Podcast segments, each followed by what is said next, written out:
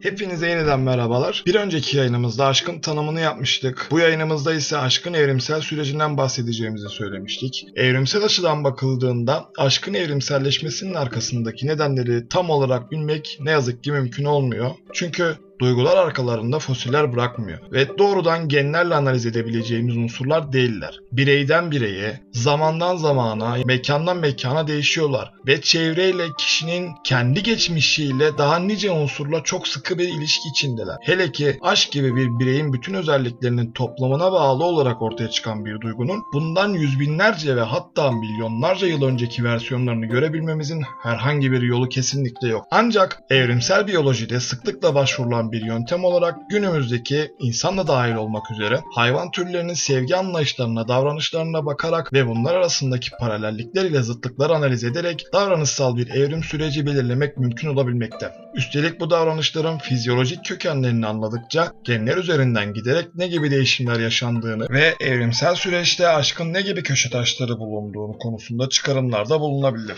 Bu çıkarımları farklı hayvan gruplarında test ederek yanlışlayabiliriz. İlk bakışta aşkın evrimselleşmesinin en kritik nedenlerinden birinin seks olduğu açık bir biçimde görülecektir. Çünkü artık net bir şekilde bilindiği üzere bütün canlılar hayatta kalmak ve üremek üzerine kurulu bir genetik yapıya sahipler. En karmaşık hayvan türlerinden en basit yapılı bakterilere kadar. Bu yaşamın var olabilmesinin en temel kuralıdır. Bu yolda hayatta kalma veya üreme başarısını arttıracak her unsur ve yöntem bir avantaj olacak. Bu sebeple doğal süreçler içerisinde seçilecektir. İşte aşk da cinselliği sağlaması ve garanti altına alması açısından önemli bir unsurdur. Çünkü aşk bireylerin birbirini anlaması ve birbirine bağlanması için çok güçlü bir hormonal unsurdur. Ve bu sayede duygusal birliktelikten doğacak olan cinsel birleşme şansını kat kat arttırır. Bir duygu olarak aşk bu süreci empati ve bağ kurma gibi ikincil duygular içerisinde barındırarak yapar.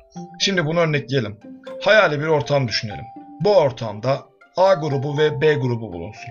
İki grupta da 200'er birey bulunsun. 100 erkek 100 dişi olsun. Anlatım kolaylığı açısından bu grubun tamamının heteroseksüel olduğunu düşünelim. Yani erkekler dişilerden, dişiler de erkeklerden hoşlanıyor. A grubunda empati, bağ kurma, sevgi ve nihayetinde aşk gibi duygular bulunsun. B grubunda ise bu duyguların hiçbirinin bulunmadığını varsayalım. Bu durumda iki grup serbest bir şekilde bırakıldığında üreme başarıları evrimsel açıdan aşkın neden evrimselleştiğine dair fikirler verecektir. Muhtemelen birbirine karşı empati, sevgi ve aşk duyan popülasyonlarda kendisine uygun gördüğü bireye karşı saplantı duyma, arzulama ve aşk duyma gibi hisler nihayetinde cinsel başarıyı da getirecektir. Diğer grupta ise tamamıyla rastlantısal olacak olan çiftleşme çok büyük ihtimalle birbiriyle uyumsuz bireylerin çiftleşmesi ihtimalini arttıracak. Bu da popülasyonun geleceğini tehlike altına alacaktır. Yani aşk seksin önünü açan ve onu garantileyen bir mekanizma olarak evrimselleşmiş olabilir. Bu çok muhtemeldir. Gerçekten de evrimin cinsel seçilim mekanizmasının bir diğer adı da rastgele olmayan çiftleşmedir. Bu doğrudan aşka işaret etmek için kullanılmasa da üremenin rastgele olup olmadığı evrimin yönünü belirleyen önemli bir faktördür. Burada anlaşılması gereken kritik bir diğer nokta bulunmaktadır. Bir kişiye aşık olup olmayacağımızı seçememekteyiz. Benzer şekilde hangi bireye aşık olacağımızı da seçememekteyiz. Bunun neden olduğunu hiç düşündünüz mü? Bir erkek olduğunuzu düşünelim. Bir dişiye aşık olduğunuzda öncesinde durup düşünür müsünüz? Burnu 30 derece eğime sahip, gözleri birbirinden 5 santim ayrık ve mavi renkte, saçları 56 santimetre uzunluğunda ve sarı. Boyu ise 1.66, kilosu 55. Bu kız tam bana göre. Elbette böyle analizde bulunmazsınız. Tek bir bakış bile beyninizin anında tek bir bireye saplanıp kalmasına neden olabilmektedir. Zaten evrimsel avantaj da buradan kaynaklanmakta. İmkan olan her ortamda cinsel başarıya ulaşmaktansa o cinsel başarıyı sağlayacak unsurları yaratmanıza neden olacak bir duygunun evrimselleşmesi gelişmesi son derece avantajlıdır. İşte buradaki kişisel arka plan olarak tanımladığımız unsur aşk için bu yüzden önemlidir. Sizin kime aşık olacağınızı biyolojik ve kültürel arka planınız belirlemekte. Biyolojik yapınız yani genetik ve gelişimsel özellikleriniz sizin ilk bakıştaki tercihlerinizi belirlemede rol oynamakta. Kültürel özellikleriniz ise aşık olacağınız kişilerin sizin için sosyal anlamda ne kadar uygun olduğunu belirtmenizi sağlayacaktır. Kimi zaman ilk bakışta çok güzel, yakışıklı bulduğunuz kişilerden onlarla konuştuktan ve sosyo-kültürel durumu tamamladıktan sonra soğuyabiliriz. Tam tersi şekilde ilk bakışta beğenmediğiniz kimselerle konuştukça onlara aşk duyduğumuzu fark edebiliriz. İşte beyniniz tüm bu süreçler olurken sizin sosyobiyolojik arka planınız ile söz konusu şahsın arka planı arasındaki uyumluluğa bağlı olarak aşk duygusunu sizin kontrolünüzden tamamen bağımsız olarak gerçekleştirmekte. Kişisel zevklerimizin genetik ve çevresel birçok unsurdan ötürü birbirinden tamamen farklı olması, aşkın hedeflerinin de tamamen farklı olmasına neden olmakta. Bu yüzden kimi zaman çiftleri birbiriyle yakıştırmaz ve birbirine layık görmeyiz. Ya da tam tersi şekilde birbirlerine uyumlu buluruz.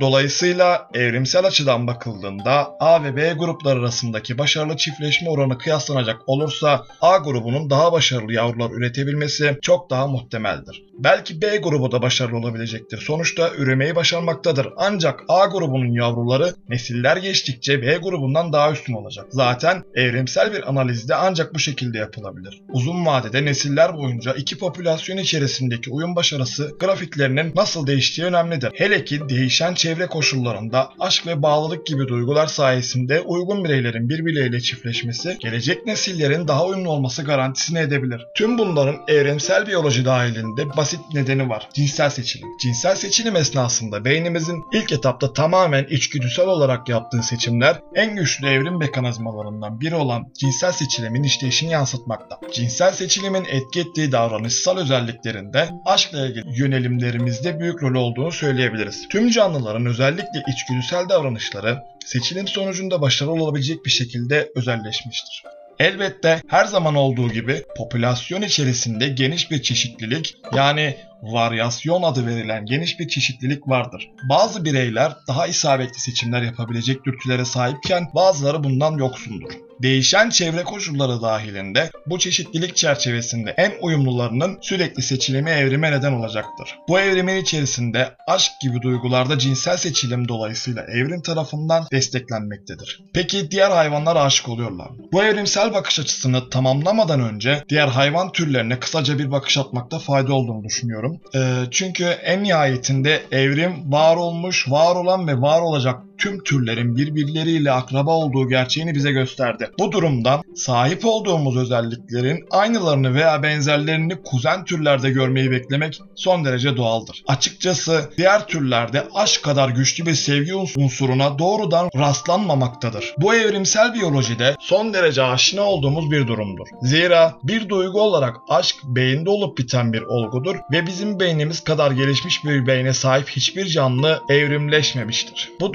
durumda beyinden kaynaklı bir unsurun bu karmaşıklıkta bir diğer türde olmasını beklemek hata olacak. Fakat buna rağmen birçok diğer hayvan türünün sevgi anlayışının olduğunu görüyoruz. Özellikle de duygusal açıdan son derece gelişmiş olan bir canlı grubu memeli hayvanlarda. Yani hayvanların sadece içgüdüler ile hareket etmedikleri, bizler gibi bilinç, algı ve düşünce sahibi oldukları bugün artık yaygın olarak bilinen ve kabul edilen bir gerçektir. Dolayısıyla bu canlıları birer makine olarak görmek tamamen hatalı olacaktır. Diğer hayvanlar da düşünerek kararlar alabilir, tercihlerde bulunabilir. Ancak aşk gibi neredeyse tamamen içgüdüsel olan duygularda zaten algısal zekaya pek de yer kalmamakta, bilinçli tercihler önemsiz sayılmakta. Diğer hayvanların keyif, empati, acı, keder, utanç, öfke duyduklarını gayet net bir şekilde biliyoruz. Peki ya aşk? Tam olarak aşk biçiminde tanımlanabilir mi? Henüz kesin bir veri yok. Ancak hayvanların sevgi duydukları çok aşikar. Bir köpeğin sahibine duyduğu hayranlık ve bağlılık bunun en yaygın örneklerinden birisidir. Ayrıca en yakın kuzenlerimiz olan bonobo maymunlarının bazı popülasyonlarda tıpkı insanlarda aşkın evriminde olduğu gibi birbirine aşk duyan ve dolayısıyla bağlılıkları daha güçlü olan bireylerin yavrularının daha avantajlı olduğunu gösteren veriler elde edilmiştir. Yani onlarda da bizimkisi gibi bir aşk duygusunun evrimleşmiş veya evrimleşiyor olması çok muhtemeldir. Türümüzü ayırt eden özelliğimiz beynimiz olduğunu söylemiştik. Diğer hayvanlarda benzer duygular evrimleşmiş olmasına rağmen bunların bizdeki kadar karmaşık olmamasının sebeplerinden biri beynimizin evrimidir. Bir diğer sebep ise bu evrime paralel olarak gelişen sosyokültürel yapımızdır. Yani türümüz çok karmaşık bir sosyal ağ sahiptir ve bu biyolojik evrim sonucunda ortaya çıkan birçok özelliğin kültür çerçevesinde yeniden tanımlanmasına neden olmuştur. Bu çok derin ve apayrı bir konu Ancak aşkın edebi ve felsefi yorumları günümüzde eşcinsellere yapılan baskılar ve benzeri aşk ile ilintili unsurlar incelenecek olursa bu konunun arkasında biyolojik evrimden daha fazlası olduğu görülecek. Ne var ki kültürel olan her şeyin temelinde biyolojik bir arka plan yattığını görebilmekteyiz. İşte bu sebeple diğer hayvanlar üzerindeki incelemeler çoğaldıkça aşkın evrimsel kökenlerine de daha net bir ışık tutacağı ortadadır. Şimdilik diğer hayvanların birçoğunun bizler kadar karmaşık olmasa da net bir sevgi anlayışları olduğunu söylemek muhtemelen hatalı olmayacaktır.